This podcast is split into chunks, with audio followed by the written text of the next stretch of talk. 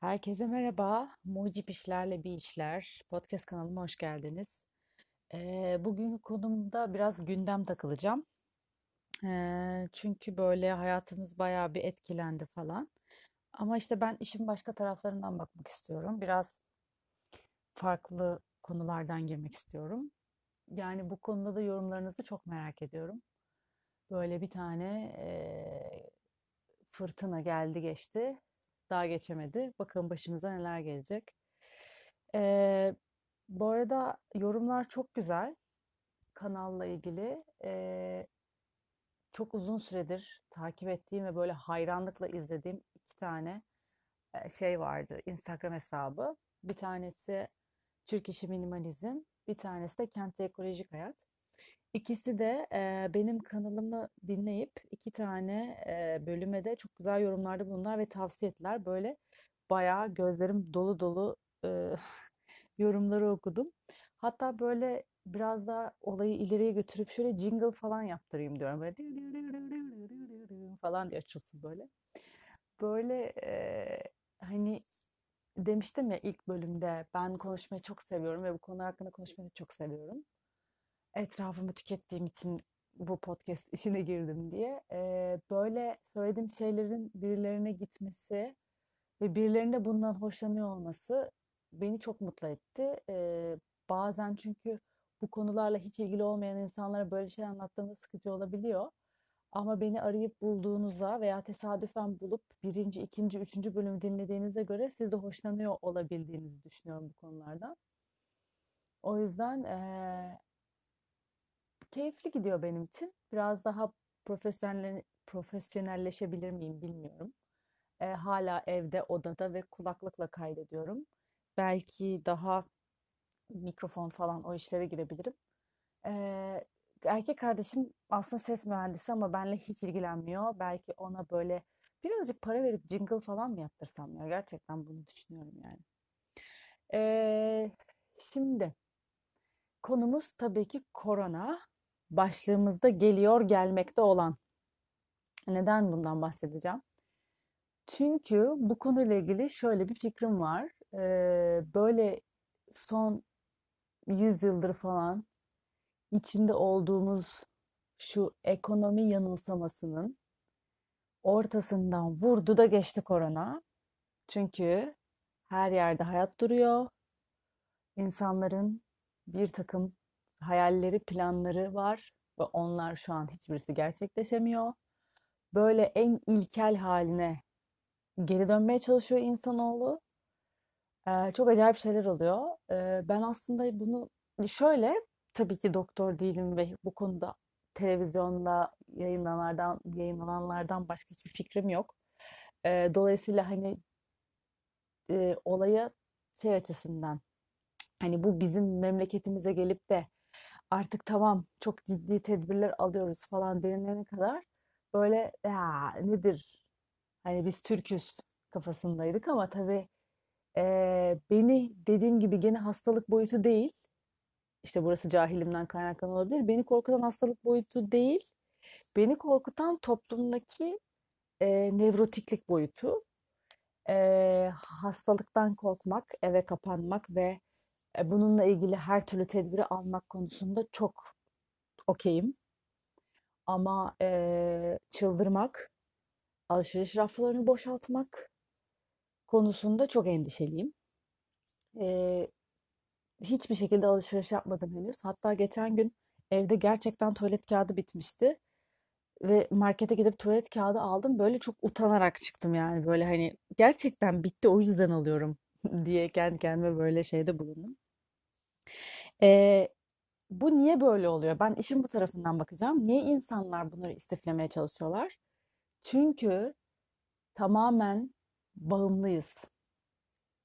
Tuvalet kağıdı olmadığında, makarna olmadığında hayatımızda ne yapacağımızı bilmiyoruz. Bence bugün konuşmamız gereken konu bu. Korona hastalığın ötesinde bizim bu yüzyıldaki sorunlarımızla yüzleşmemize yüzleşmemizi sağlayan bir vaka ve bence bunun herkesin çok iyi değerlendirmesi gerektiğini düşünüyorum. Ben neye ne kadar bağımlıyım? tek başıma ne yapabilirim? Bence sorunumuz bu.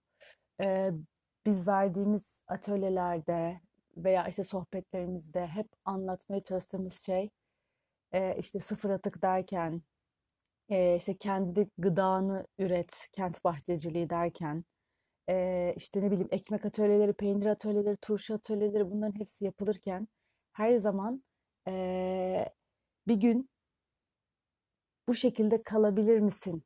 Kalırsan kendini ne kadar idame ettirebilirsini e, anlatmaya çalışıyoruz. E, çok sevdiğim bir hocanın dersinde dinlemiştim. E, hocanın ismini hatırlamıyorum şu an özür dilerim. Şöyle demişti. Biz geliştikçe yani uygarlaştıkça aslında burada tırnak içinde söyleyeyim uygarlaşma kelimesini zaman e, her şeyi başkalarının eline bıraktık. Yani ben Elif Tekin olarak sadece 9-6 işe giden ve para kazanan bir insanım. Benim hayati ihtiyaçlarım neler? Gıda, işte barınma, güvenlik, e, kıyafet vesaire vesaire, eğitim, sağlık. Bunların hiçbiriyle ilgili söz sahibi değilim. Benim 9-6 zamanımı satmamdan elimde kalan bir para var. Bu parayı bu insanlara vererek işte gıda, sağlık, barınma vesaire satan insanlara vererek onlardan bunları satın alıyorum. Kendim bunların hiçbirisini yapmayı bilmiyorum. Dolayısıyla eve kapandığımda, eve kapanmak zorunda kaldığımda veya market rafları boşaldığında çok ciddi e, psikolojik sorunlar yaşıyorum. O yüzden birazcık kendi başımıza ne yapabiliriz? marketlere ihtiyacımız var mı? Ne kadar var? Alternatifler neler? Bunlardan konuşmak istiyorum bugün. Bizim ailemiz market alışverişini çok zaman önce bıraktı. Yaklaşık bir 6-7 aydır biz zaten market alışverişi yapmıyoruz.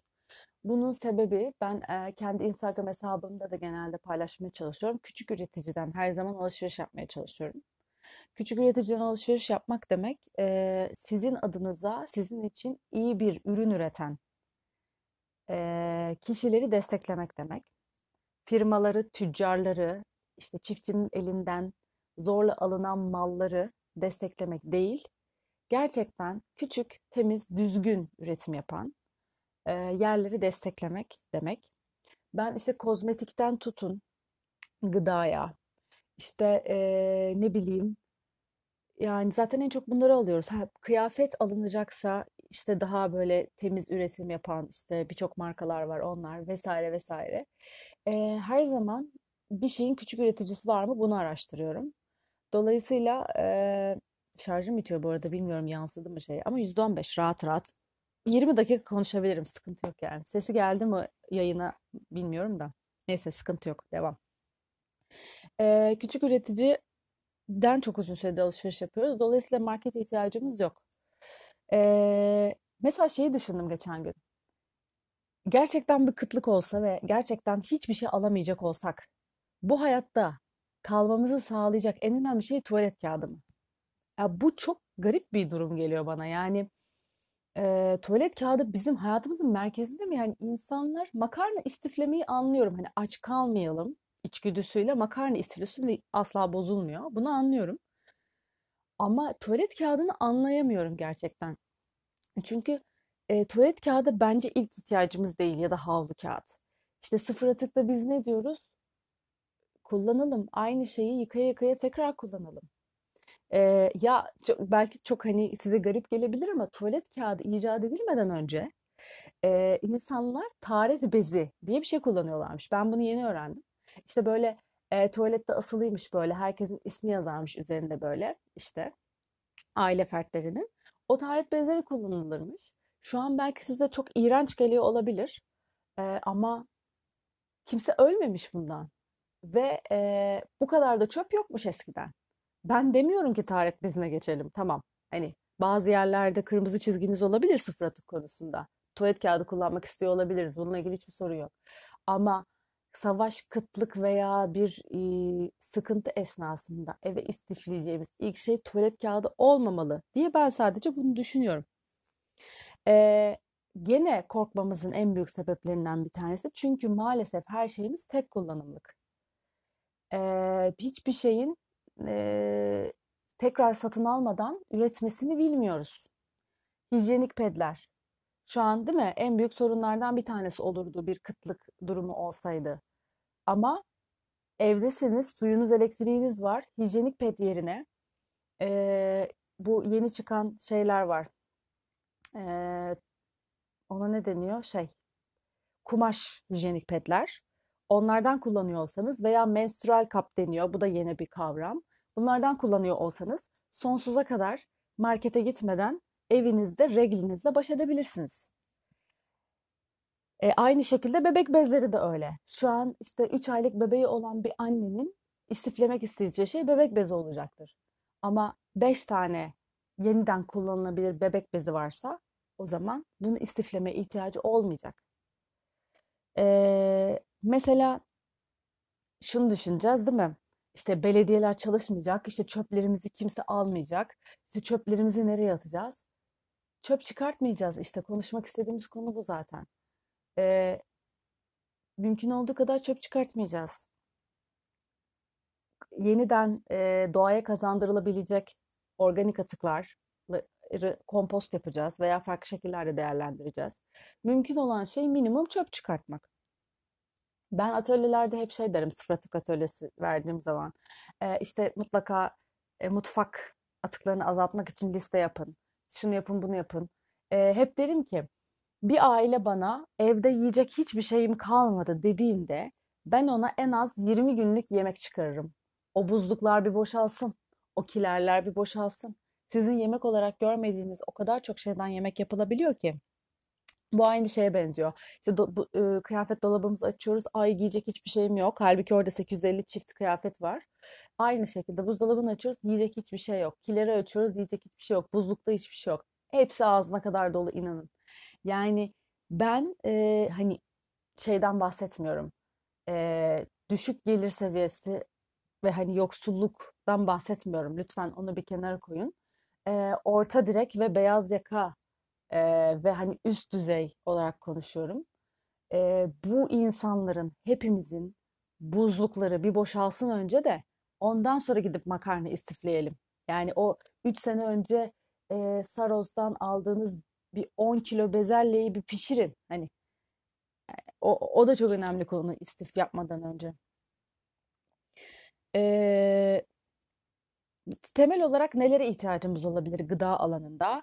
Ekmek, yumurta, meyve, sebze, süt. Ya yani ben bunu kendi ailemden yola çıkarak söylüyorum. Ekmek e, çok hani Türk örf adetinin temel ihtiyacı olduğu için ekmek diyorum. Ekmekte zaten hani ekmeğini yapan insan sayısı çok az. E, ben uzun süredir ekmek yapıyorum. Ekmek verdiğim bazı yerler de var. E, bu ekmek verdiğim yerleri de mümkün olduğu kadar ekmek atölyesi vermeye çalışıyorum. Çünkü benim derdim bu işten para kazanmak değil yani ekmek satarak para kazanmak değil. Derdim gıda bağımsızlığını sağlamak. Ekmeğin de çok önemli bir gıda bağımsızlığı aracı olduğunu düşünüyorum. Ekmek makinesiyle yoğurarak ekşi mayalı, ekşi mayasız fırında nasıl, tencerede nasıl istiyorsanız yapın. Ama sizin evinize her gün alınan bir gıdada dışa bağımlı olmayın. Ve bu en basit şey. Yani e, vaktim yok diyen makine de yapabilir. İyi bir un alır, makine de yapabilir yani. İlla ki herkes ekşi mayalı artizan ekmek yapacak diye bir şey yok. Şimdi işte mesajlaşıyoruz işte ekmek dağıtmaya çıkamıyorum. Çünkü işte metrobüslerle falan gidip geldiğim için veya işte o iş, iş yerleri tatil olduğu için iş yerlerinde yok insanlar götüremiyorum vesaire. İşte en çok ekmeklerini özleyeceğiz diye bana böyle notlar yazar. Diyorum ki ben size ekmek yapmayı öğrettim. Ekmek yapabilirsiniz yani. Bunu yapabilirsiniz. Makarna yapabilirsiniz. Makarna yapmak da çok kolay e, şey demiş makarna makarna üreticileri birliği başkanı falan diye bir şey varmış. Sizi makarnaya boğarız hiç korkmayın demiş yani. Boğarız tabii ki makarna yapmak dünyanın en kolay şeyi. Un, su, yumurta veya yumurtasız, tuz bu kadar. Ekmek, un, su, tuz, maya bu kadar. Bunlar dünyanın en kolay şeyleri.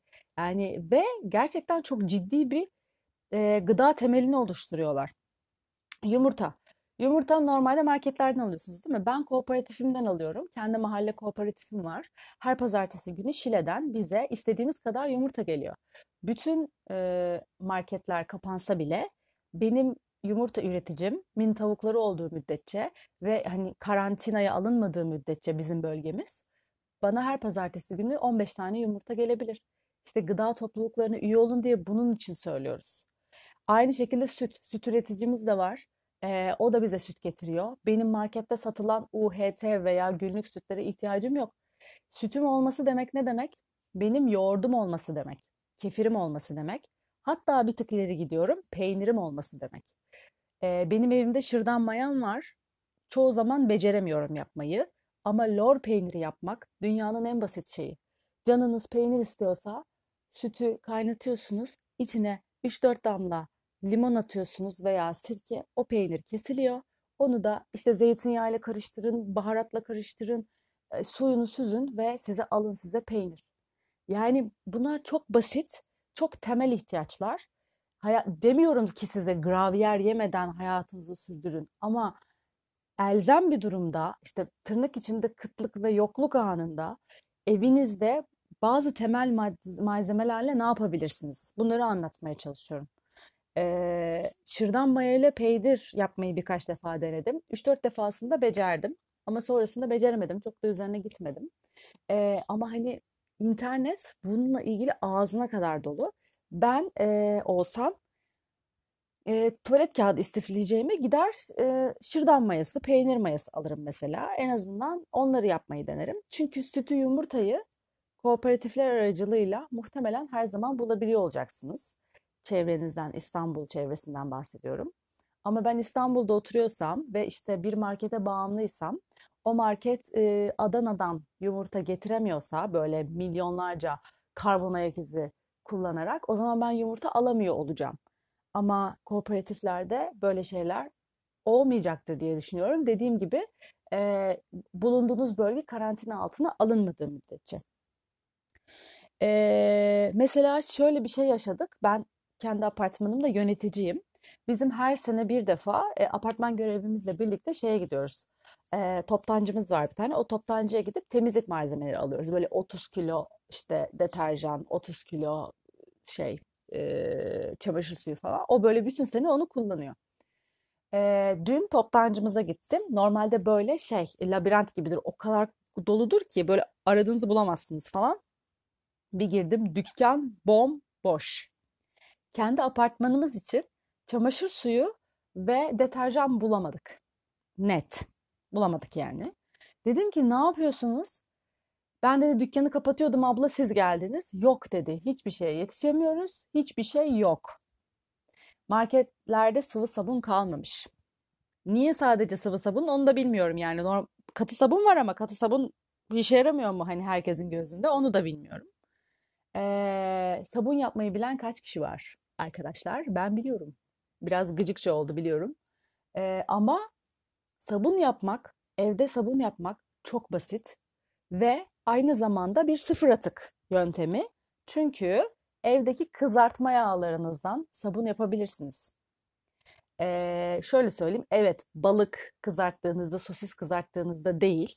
Ama işte kabak, patates, patlıcan işte gibi böyle daha kokusuz sebzeleri kızarttığınızda hani böyle 2-3 seferden sonra o yağ döküyoruz ya aslında dökmüyoruz. Onları da böyle hani yağ merkezlerine teslim ediyoruz ya e, ve onlardan bir takım bir şeyler yapılıyor. İsterseniz evde e, kostikle bunu karıştırıp uygun oranlarda e, bununla da ilgili internetler böyle binlerce video mevcut. Ben de oralardan öğrendim. Kendi sabununuzu yapabilirsiniz. Yağ ve kostik kimyasal bir reaksiyona giriyor ve ortaya sabun çıkıyor. Yani bütün dünyada sabun bitse ben evdeki kendi atık yağlarımdan sabun üretebilirim. Bunlar işte e, böyle kendinizi güvende hissetmenizi sağlıyor. Elbette gidip e, aman tanrım işte sabun üreteyim demiyorum şu anda. Çünkü hala sabun var dışarıda. Ama sabun bittiğinde ben bunu yapabiliyorum. Bu bilgiye sahibim. İşte bunlar kadim bilgiler. Bunlarla hayatımızı devam ettiriyoruz. Ee, şöyle bir şey oldu. İşte tam geçen podcast'imizde yap, e, anlatmıştım zaten. Mart zamanında işte ne ekeceğiz, ne dikeceğiz diye. Ben bütün tohumlarımı attım. Tohumlarım çıktı. Bu sene biraz gaza gelmişim. Yanlışlıkla değil, bilerek ama e, böyle çılgınca e, 250 adet domates fidesi yaptım. Niye bunu yaptım bilmiyorum. Çünkü böyle çok tatlı oldular. Ben de hepsini yaptım. Ee, ve bunları paylaşmaya karar verdim. Bunların bir kısmını sitedeki bahçeme ekeceğim. Ee, bir kısmını arkadaşlarımla paylaşacağım. Ee, bizim Çatalca'da bir yerimiz var. Zaten orayı her sene ufak tefek ekiyoruz. Oraya götüreceğim. Derdim ne? Gıda bağımsızlığı. Başka hiçbir derdim yok. Yani e, şey bilgisi vardır. Bunu kaç kişi biliyor bilmiyorum. İstanbul kendi gıdasının sadece iki günlüğünü üretebiliyor. Geri kalan 363 gün dışa bağımlı.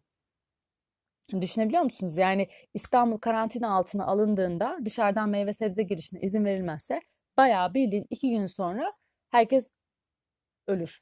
Ölür değil, iki gün sonra ölmez 10 gün sonra falan ölür. Ee, biz niye kent bahçeciliği diyoruz? Niye gıda bağımsızlığı diyoruz? Tek derdimiz bu. Çünkü hep birilerine ihtiyacımız var. Kendi başımıza hiçbir şey yapma şansımız yok. Şu anda herhangi bir bankacıya, bu işlerle hiç alakası olmayan bir bankacıya deseler ki sana işte şu kadar tohum, bu kadar arazi, her şeyi bedava. Otur kendi gıdanı yap, bizden de para isteme. O tohumları öldürür, o fideleri öldürür, o çiçekleri, o meyvelerin hepsini öldürür. Çünkü bilmiyor nasıl yetiştireceğini. Biz niye bunları öğretmeye çalışıyoruz? İhtiyaç olursa bunu yapabilmek için. Tek derdimiz bu. Yani bunlar böyle deli gibi para kazanan işler falan değil. Onu diyorum ekmek sattığım insana ekmek yapmayı öğretmeye çalışıyorum. Ben bundan para kazanmaya çalışıyor olsam zaten değil mi? Ee, ekmek yapmayı öğretmem. Derdimiz gıda bağımsızlığı. Her anlamda gıda bağımsızlığı. Ve insanlar işte peynir atölyesi yapan insan bunu niye paylaşıyor ki? Ev yapımı peynir satsın 200 liradan. Ama öğretmeye çalışıyor. Öğrensin istiyor. Ee, bu arada tabii ben bu ekmekten dolayı bir 100 kilo falan un stoğum var. Ee, un ihtiyacı olan olursa bana yazsın vallahi 100 kilo böyle çeşitli yörelerden unlarım var elimde. Ekmekleri de satamıyoruz kaldı elde unlar. Ee, pıtı pıtı pıtı pıtı başka notlarım vardı ona bakıyorum. Her şey bizim bir kedimiz var biraz vahşi bir kedimiz. O kuru mama yiyor. Bak o konuda bayağı dışa bağımlıyız. Çünkü e, orada bizim bir hatamız oldu. Biz baştan ilk bebek olarak bize geldiğinde e, böyle işte yoğurt, yumurta falan veriyorduk. Kendi yemeklerimizden veriyorduk. Yiyordu yani. Öyle alışmıştı. Sonra veteriner bize şey dedi. Aa sakın öyle bir şey yapmayın. E, çünkü dedi eğer sizin yemeklerinize alışırsa bir daha asla kuru mama yemez. Ay ben de bir korktum böyle Allah kuru mama çok önemli bir şey yemezse ne yapacağız falan diye. Biz böyle kuru mamaya dayadık dayadık. Ee, işte normal yemeklerin hepsini kestik. Dolayısıyla bayağı kuru mamada dışa bağımlıyız. Hani stok yapmam gerekiyorsa bir tek onu yaparım yani. Ee, çünkü yemiyor. Ha şöyle de olabilir. Bayağı aç kalırsa mecbur yer o zaman diye düşünebiliriz. Ee, ama hani onu bir de hani hayvan derdini anlatamıyor ya. O yüzden onu stoklamak isterim. O, o konuda şey yapmak istemem yani. Onu üzmek istemem. Ee, peki biz ne yapıyoruz? Ee, eşim çalışmaya devam ediyor. Ben evdeyim. Ee, ben de elimde 4 yaşında bir oğlan çocuğuyla kala kaldım ve bir de çılgın kediyle. Ee, biz parka gitmeye çalışıyoruz ama şöyle parktan kaydıraklardan kaymıyoruz. Skutura falan biniyoruz daha çok. Ee, işte kendi kahvemizi, çayımızı yanımızda götürüyoruz çünkü kafeler falan kapandığı için. En fazla böyle iki aile buluşuyoruz ve işte çocuklara anlatmaya çalışıyoruz işte birbirleri sarılmamaları gerektiğini, öpüşmemeleri. Fena gitmiyor. Çünkü gerçekten küçük çocuklarla evde hayatımıza devam etmek çok zor. Çünkü o zaman neye düşüyoruz? Televizyona düşüyoruz, telefona düşüyoruz, tablete düşüyoruz. Yani bunu bunu kaçınılmaz. Bu hem çocuklar için çok zor hem bizim için çok zor. Dolayısıyla hani sık sık parka veya işte ormanlık alanlara gidip orada böyle biraz hani scooter'a binip enerjimizi atmaya çalışıyoruz. Ee, buradan e, kahvem termosta hashtagine de bir selam çakmış olalım. Ee, uzun süredir bütün kahveler termosta biliyorsunuz. Ee, kitap okuma saati yapılır ya bizde kitap okuma dakikası. Oğlum 3 dakika kitap okur musun lütfen şeklinde oluyor. İşte kitap okumaya çalışıyoruz, okuyamıyoruz tabii ki. E, ben şahsen Instagram'a Instagram'a düşmemeye çalışıyorum. Çünkü o da bir gayya kuyusu. E, hani böyle çok tatlı şeyler okuyorum böyle sürekli Instagram'da bu aralar. İşte zamanımızı işte şeyi fırsat bildik, e, kitap okuyoruz. İşte çok işte dizilerimiz var, onları izliyoruz falan. Yani biz yapamıyoruz çünkü çok zor bizim için. Ee, kitap okuma okuyamıyoruz işte ne bileyim. Ee, biz yemek yapmaya çalışıyoruz. O şekilde atmaya çalışıyoruz şeyimizi. Hmm, çılgın 4 yaş ergenlik bunalımlarımızı. Ee, şöyle yapıyoruz bir de. Kanaviçe ve Lego saati. Evet bu bayağı etkili. Ee, kanaviçenin yerine siz başka bir şey koyabilirsiniz. İşte dakika tutuyoruz 40 dakika yarım saat.